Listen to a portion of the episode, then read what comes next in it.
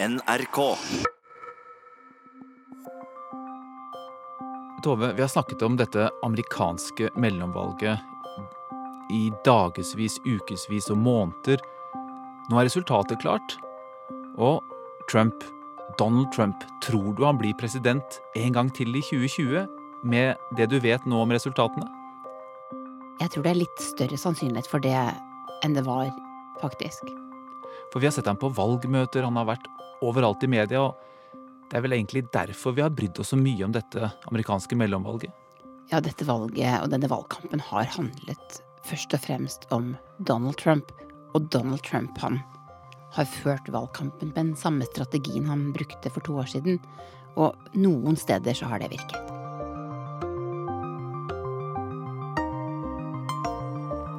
Krig og fred med Sigurd Falkenberg Mikkelsen.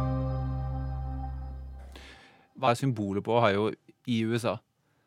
Jeg kan si bare to ting. Det første er presidenter. Vi har fem.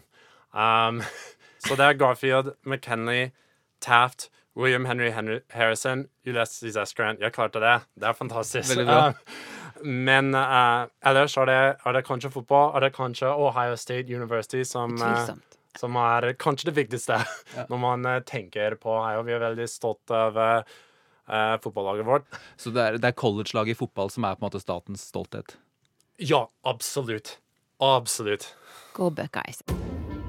Uh, Jeg heter Tyler Barrett. Jeg kommer fra delstaten Ohio i USA. Jeg er nettopp ferdig med mastergraden min i Peace and Conflict Studies uh, på Universitetet i Oslo. Og når du ser på politikken i USA, og særlig med dette mellomvalget, hva er det første du tenker? Uh, Jeg ble litt uh, skuffet, fordi jeg kommer fra Ohio. Og det var litt sånn at uh, demokratene hadde ikke det, det beste valget vi har hatt i Ohio. Eh, jeg syns at grunnen til det er at vi følger oss glemt i Ohio. Vi er ikke en av de kulde nye sørstatene som Texas eller Georgia. Altså, vi fikk ikke kjendiser. Vi fikk ikke samme oppmerksomhet fra DCC og andre steder som støtter eh, demokratiske kandidater. Altså, ja, det er litt vanskelig for oss i Ohio, fordi vi føler litt eh, glemt, på en måte. Fordi du føler at du hører, hører til på demokratisk side? Eh, ja, det kan, jeg, det kan jeg si. Jeg har jobbet med flyktninger i USA i flere år, så det er veldig viktig for meg at vi har et samfunn som støtter alle, og, at alle skal med, for å si det sånn. Og når du sier at demokratene på en måte har glemt Ohio, eh, gjør de ikke da den samme feilen som de har gjort eh, år etter år, og som også var med på å gjøre at eh, Trump ble valgt en gang?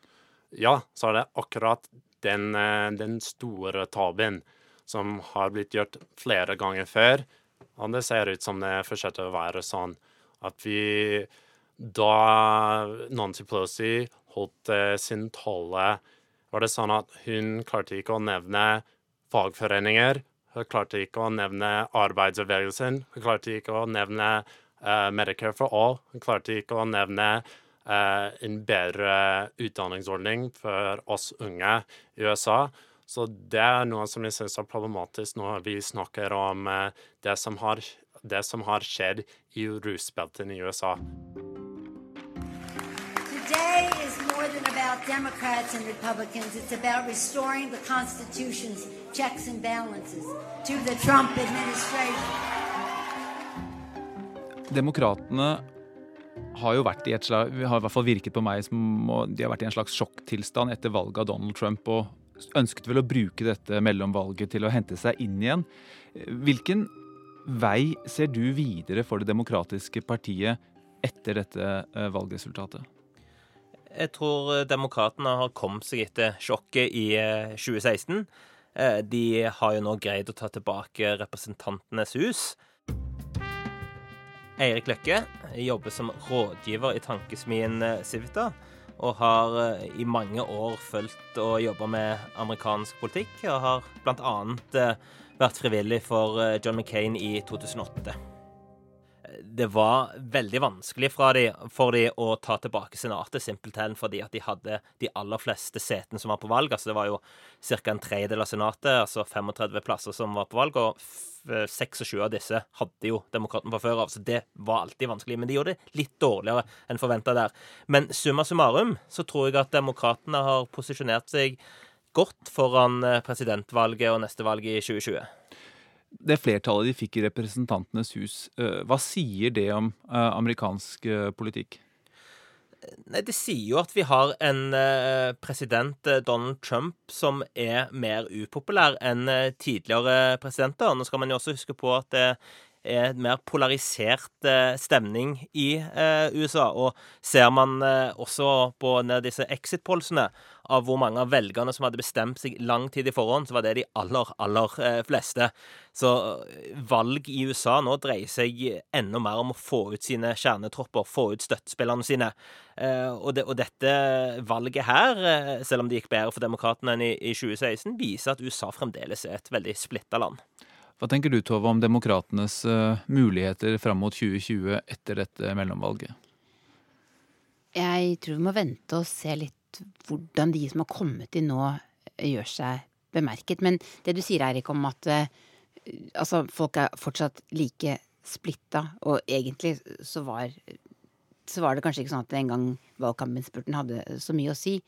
Da lurer jeg liksom litt på Vi bruker så utrolig mye krefter på dette her. Er det, er det virkelig noen vits i? Når det bare handlet om et, et, ekstremt splittet land?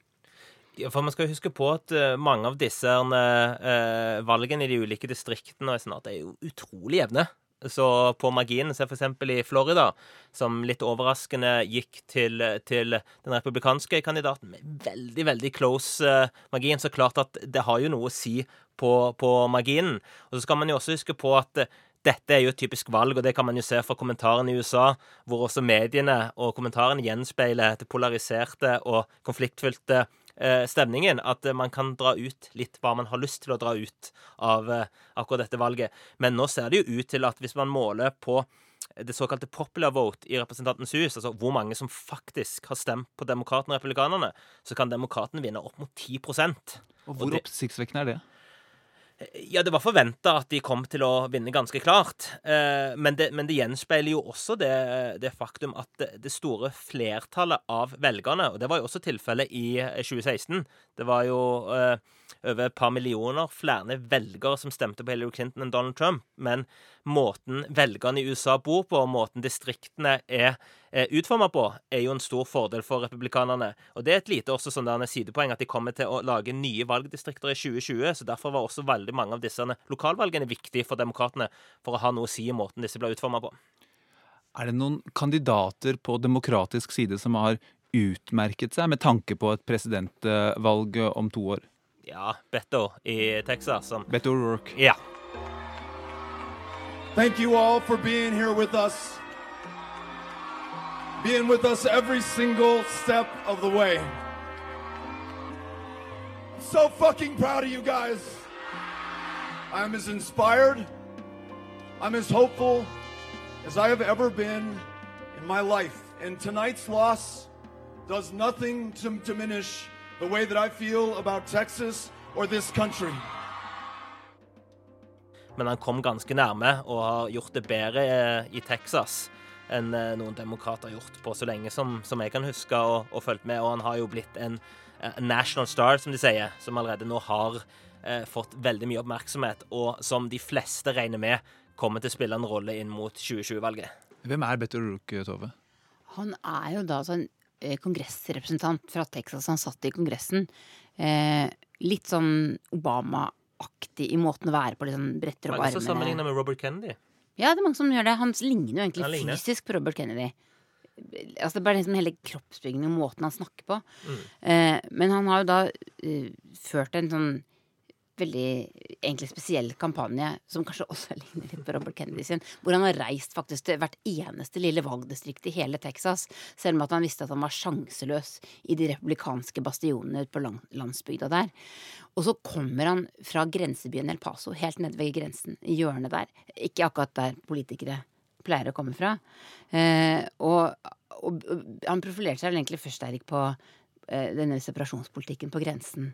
Han Mm. eh, husker blant annet han gikk til et av disse sentrene der disse barna, teltleirene, hvor mange barn ble holdt Ja. til fots. Ja, ja han, har, han, har, han har markert seg på veldig mange av kjernespørsmålene til demokratene, som eh, man ikke oppfatter som veldig populært i Texas, da. Men han har jo eh, hatt en enorm mobilisering. Og, eh, og, og, og sammenligning med Obama er, er jo særlig relevant, for han savner veldig store eh, forsamlinger på disse eh, valgmøtene sine.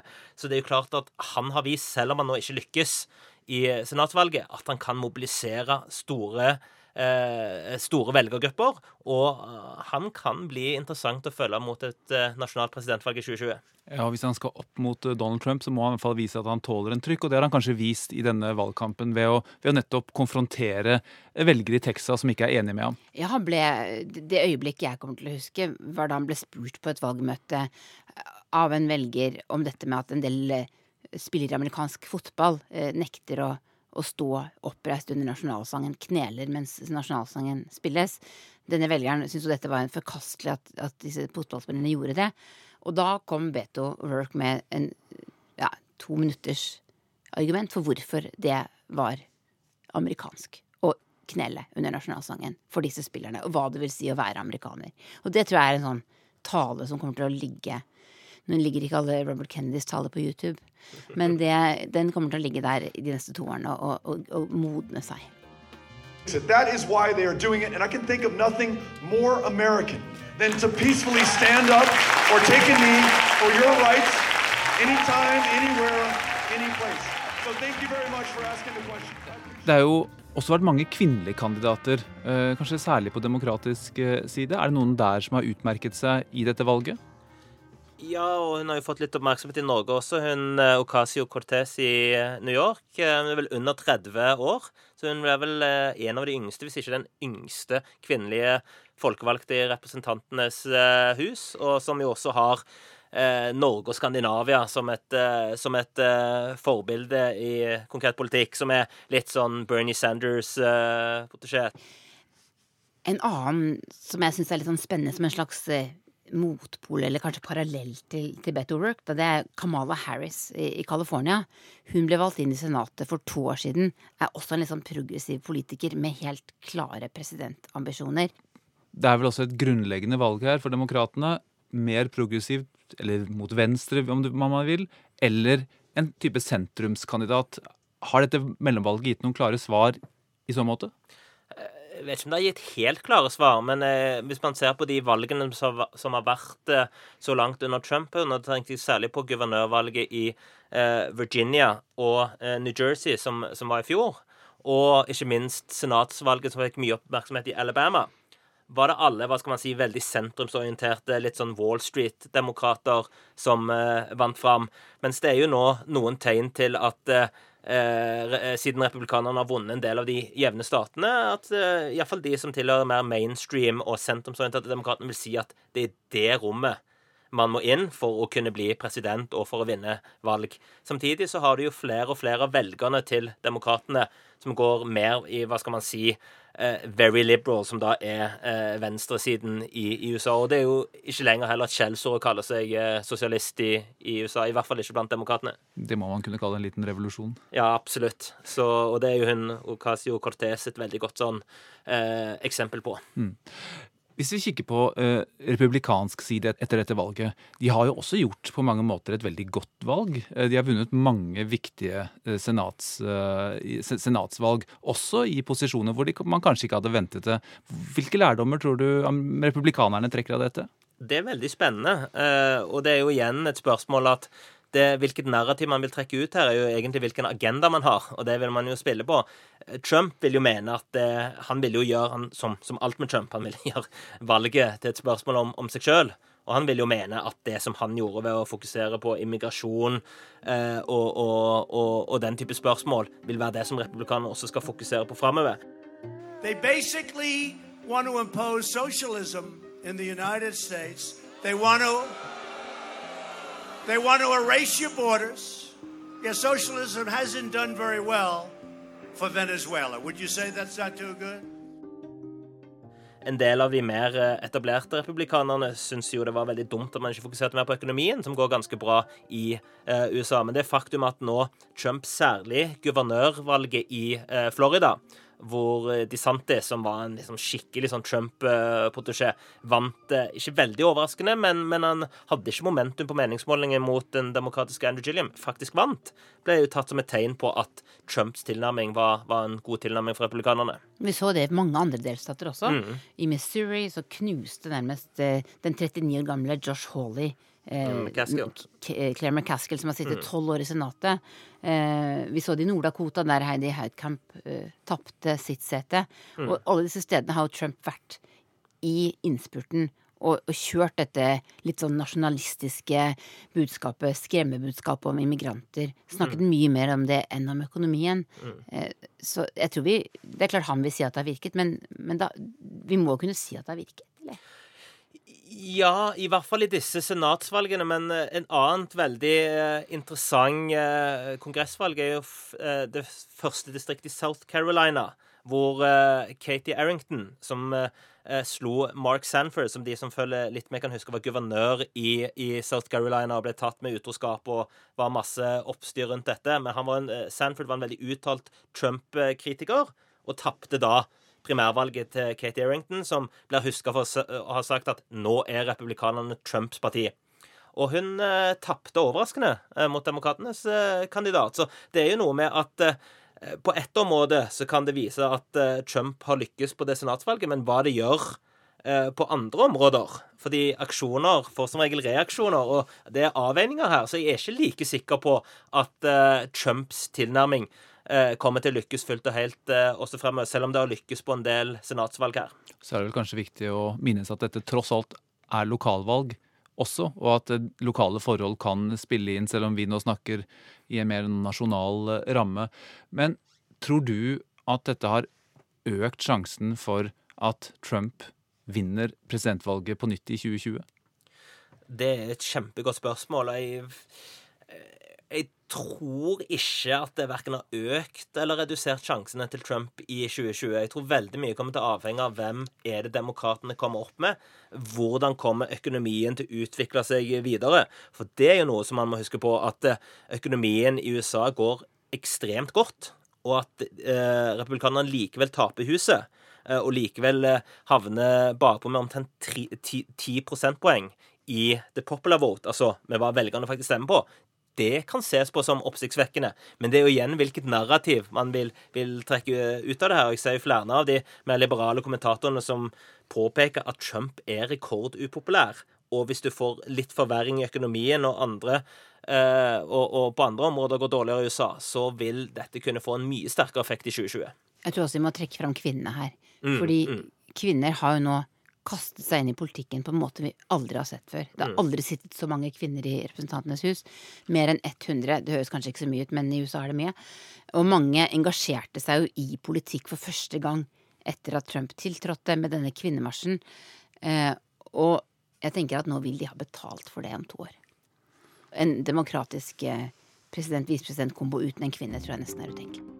We have more hard work ahead of us. But we have the power to make things better. Men det måte, fatale slaget mot Trump og Trumps politikk som mange demokrater kanskje hadde håpet på, det har ikke skjedd. Nei, og eh, mange vil jo se nettopp det at uh, republikanerne gjorde det litt bedre enn forventa, og det er jo alltid noe med beat expectations. Uh, og det gjorde de på senatsvalget uh, denne gangen. Og, og, og, det kan nok Trump med god grunn tilskrives noe av æren for. Taylor Barrett, det er jo du og din generasjon som skal ta over USA etter hvert. Hva tenker du om dette valget og politikken i USA framover? Uh, det er jo litt synd. Uh, det har vært veldig dårlig stemming mellom de to partiene. Men jeg er venner på begge sider. Og jeg kan se for meg at det kommer flere dyktige, gode politikere på begge sider. Og det er noe som jeg syns er viktig, fordi faren min er republikaner. Eh, jeg har mange venner som er republikanere. det finnes gode folk på begge sider. Så eh, det er spennende å se hva som kommer fra generasjonen min. Men akkurat nå er eh, stemming mellom de to partiene i USA for dårlig. Han, jeg har ikke tro på systemet, på en måte, fordi det, det virker sånn at eh, vi klarer ikke å få noe til. Nei, Det virker jo veldig giftig, måten eh, man prater om politikk på i USA. Ja, ja det, er, eh, det er Det er nesten utrolig. Um, fordi da jeg var barn, var det ikke sånn. Og nå er det sånn hvis du er demokrat og har venner som er republikanere, så er det sånn at du må, du må finne nye venner. Men det tror jeg ikke på i det hele tatt. Jeg syns det er viktig å bygge bruer, som Romney sa. Jeg syns at det er det som er viktigste. Når vi snakker om hele landet, det er det som er viktig.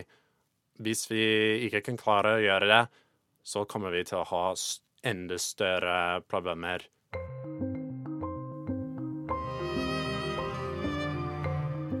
Krig og fred.